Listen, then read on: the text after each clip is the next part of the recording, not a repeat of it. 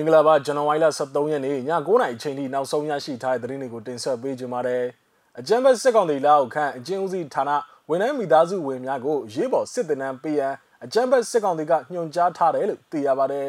။အောင်လံမြို့နယ်ထဲမှာလူသေးဆုံးမှုဖြစ်ခဲ့တဲ့ရင်တိမ်းပေါမှုဖြစ်စဉ်မှာဗိုလ်မှူးမိသားစုစီးနင်းလိုက်ပါလာတဲ့ကားဖြစ်တယ်လို့သတင်းများပြန့်နေကြောင်းသိရပါတယ်။စတဲ့သတင်းအကြောင်းအရာတွေကိုသတင်းတောက်ကျွန်တော်ထွန်းထွန်းဝင်းကတင်ဆက်ပေးကြပါမယ်။ ပထမဆုံးအနေနဲ့တင်ဆက်ပေးခြင်းတဲ့သတင်းကတော့ AR တိုင်းဒေသကြီးအကျဉ်းတော်များမှာရှိတဲ့အကျဉ်းဦးစီးဌာနမှဝန်ထမ်းများနဲ့၎င်းတို့ရဲ့မိသားစုဝင်များကိုရေးပေါ်စစ်တပ်နံပေးရန်အကြမ်းဖက်စစ်ကောင်စီကညွှန်ကြားထားတယ်လို့အမည်မဖော်လို့သူအကျဉ်းဦးစီးဌာနမှဝန်ထမ်းတဦးကပြောဆိုပါတယ်။တမူးမြို့ရဲဘက်စကန်တစ်ခုတိုက်ခိုက်ခံရပြီးတဲ့နောက်မှာအရေးပေါ်ညွှန်ကြားချက်အနေဖြင့်အကြမ်းဖက်စစ်ကောင်စီကညွှန်ကြားခဲ့ခြင်းဖြစ်ပြီးတော့ဇန်နဝါရီလမကုန်မီအချိန်ခံစစ်ပညာသင်ကြားပေးရမယ်လို့ဆိုပါတယ်။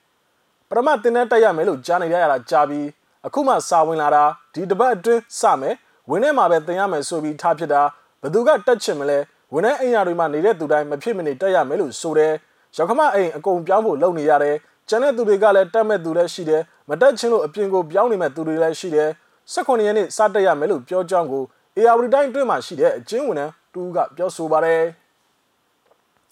စစ်တနန်းတက်ရောက်ပြီးတဲ့နောက်မှာတော့လက်နက်တက်ဆင်ပေးခြင်းရှိမရှိကိုတော့မသိရှိရသေးပါဘူး။တင်နန်းပြီးရင်တော့ဘာလို့ရမယ်ဆိုတာမပြောသေးဘူး။ဒီမှာတော့လက်နက်တွေတိုးပေးထားတယ်။လာချထားတာတော့မရှိပါဘူး။ကျွန်တော်အစ်စ်နဲ့ကအတိလောက်ထိမသိရဘူး။တနက်ကတော့အရင်တည်းကကျွန်တော်တို့မှရှိပါတယ်။ကျွန်တော်တို့ကကန်ရတဲ့အဆင့်မှမဟုတ်တာလို့အဆိုပါဝန်ထမ်းကဆိုပါတယ်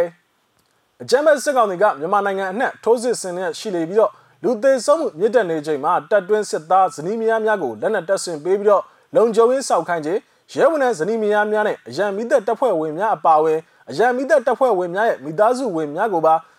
စစ်တပ်နဲ့ပေးခြင်းများလှုပ်ဆောင်နေခြင်းပဲဖြစ်ပါတယ်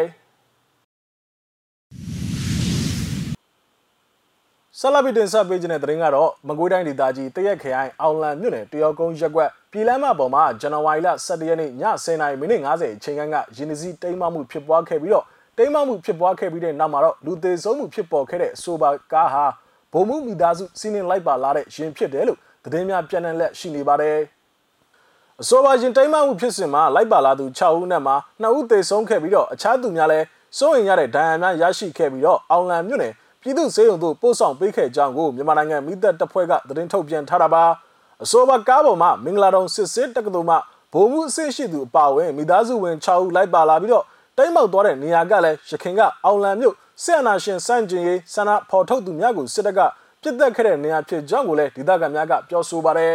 ။အဲ့ဒီကားကရန်ကုန်ကနေမိထီလာကိုသွားတာလို့သိရတယ်။မြို့ထဲမှာတော့ဘုံမှုမိသားစုစီးနင်းလာတဲ့ကားလို့သတင်းတွေပြန့်နေတာပဲ။မိသက်ကလူတွေကလည်းသူတို့ကိုလှုပ်ရှားရှိတာလှုပ်ပေးပြီးတော့တန်းပြန်ပေးလွှတ်လိုက်တယ်လို့သိရတယ်။သတင်းဖုံးထားတဲ့ဘာလာတော့မသိဘူး။အဲ့ဒီကားတိမ်မောက်သွားတဲ့နေရာကအခုပြောနေကြသလိုအောင်လံမြို့ကဆီယနာရှင်စန်းကျင်ရေးတပိတ်စစ်ကြောင်းပြည်သူတွေကိုစစ်တပ်ကပြစ်တက်သွားတဲ့နေရာအမှန်ပါပဲလို့ တရမြို့နယ်မှာနေထိုင်သူဒေသခံတို့ကဆိုပါတယ်။ရင်တိုင်းမမှုဖြစ်ပွားခဲ့တဲ့နေရာကပြီးခဲ့တဲ့2021ခုနှစ်မတ်လ15ရက်နေ့ကအကြမ်းဖက်စစ်တပ်ရဲ့ပြစ်ခတ်မှုတွေကြောင့်အောင်လံမြို့နယ်ဆီယနာရှင်စန့်ကြီးတပိတ်စစ်ကြောင်းမှပြည်သူတို့ကြာဆုံးခဲ့တဲ့နေရာဖြစ်ကြောင်းကိုလည်းဒေသခံများထံမှသိရပါတယ်။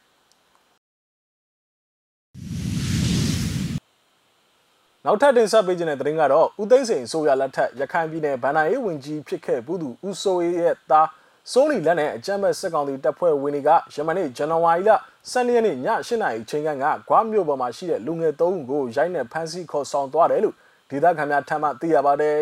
။အဆိုပါလူငယ်3ဦးကဇန်နဝါရီလ12ရက်နေ့ညဦးပိုင်းချိန်ကကင်းယုံရက်ကွက်နေ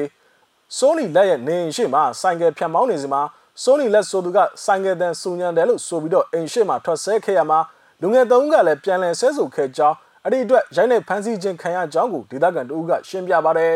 ။ဆိုနီလက်ကစစ်တပ်ကိုအချိန်မြေလမ်းခေါ်လို့ရတဲ့ဆိုပြီးလူပါဝနေတာတော်တော်ကြာပြီးသူ့ကိုဆဲလို့စစ်တပ်ကိုလမ်းခေါ်ပြီးလူငယ်သုံးဦးကိုသူတို့အိမ်တွေမှာဆိုနီလက်နဲ့စစ်သားတွေကတွားဖမ်းတယ်ဖမ်းတဲ့အချိန်မှာလဲဆိုနီလက်နဲ့စစ်သားတွေကဆဲဆိုရိုက်နေပြီးဖမ်းဆီးခေါ်ဆောင်သွားကြတယ်လို့၎င်းကဆိုပါတယ်။လက်ရှိအချိန်မှာရိုက်နေဖမ်းဆီးခံရတဲ့လူငယ်သုံးဦးကိုအကြမ်းဖက်စစ်ကောင်စီတပ်ကမြည်သည့်နေရာသို့ဖမ်းဆီးခေါ်ဆောင်သွားတာကိုတော့မသိရသေးဘဲနဲ့ မိသားစုများနဲ့လည်းလက်ရှိအချိန်ထိအဆက်အသွယ်မရသေးကြောင်းကိုဂွားမြို့ဒေသခံတို့ကဆိုပါတယ်နောက်ဆုံးနေ့နဲ့တင်ဆက်ပေးခြင်းတဲ့သတင်းကတော့59နှစ်မြောက်တောင်မျိုးသားတော်လန်ရေးနေခန္ဓာကိုကျင်းပပြုလုပ်ခဲ့တယ်လို့သိရပါတယ်ယမနေ့ဇန်နဝါရီလ12ရက်နေ့မှာကြာရောက်တဲ့59နှစ်မြောက်တောင်မျိုးသားတော်လှန်ရေးနေ့ခမ်းနားကိုရှမ်းပြည်မြောက်ပိုင်းတောင်မျိုးသားလွတ်မြောက်ရေးတပ်မတော် PSLF TNL လှုပ်ရှားမှုရာနယ်မြေတစ်ခုမှာကျင်းပပြုလုပ်ခဲ့ခြင်းဖြစ်ပါတယ်။ အဆိုပါခမ်းနားကိုရဟန်းတန်ဃာတော်များပြည်သူလူထုများပါဝင် PSLF TNL အဖွဲ့ဒုဥက္ကဋ္ဌတားဂျုံဂျာစဦးစုချုပ်တားဟုတ်ပင်အထွေထွေတွင်းမှု1တားအိုင်တမောင်းနဲ့ဗဟိုကော်မတီဝင်များစစ်ဦးစီးအရာရှိအရာခံများအုပ်ချုပ်ရေးဌာနများလုပ်ငန်းဌာနများတမှုများနဲ့တပ်ဖွဲ့ဝင်3000ကျော်တက်ရောက်ခဲ့တယ်လို့သိရပါတယ် ဟုတ်ကဲ့ပါဇန်နဝါရီလ23ရက်နေ့ည9:00နာရီအချိန်ထိနောက်ဆုံးရရှိထားတဲ့သတင်းတွေကိုကျွန်တော်တို့မျိုးစိမှာဝိုင်းတော်သားများကနေပြီးတော့တင်ဆက်ပေးခဲ့တာပါမြန်မာပြည်နဲ့မှာနေထိုင်တဲ့မိဘပြည်သူတွေအကုန်လုံးဘေးရန်နဲ့ကင်းရှင်းကြပါစေလို့ဆုမကောင်းတောင်းရပါတယ်လက်ရှိဖြစ်ပေါ်နေတဲ့ COVID-19 ကရောဂါနဲ့ပတ်သက်ပြီးအထူးကူးစိုက်ကြဖို့ကိုကျွန်တော်တို့မျိုးစိမှာဝိုင်းတော်သားများကတိုက်တွန်းလို့ဆိုခြင်းပါတယ်နောက်ထပ်ရရှိလာမယ့်သတင်းတွေအတူတူကျွန်တော်တို့ပြန်လာခဲ့ပါမယ်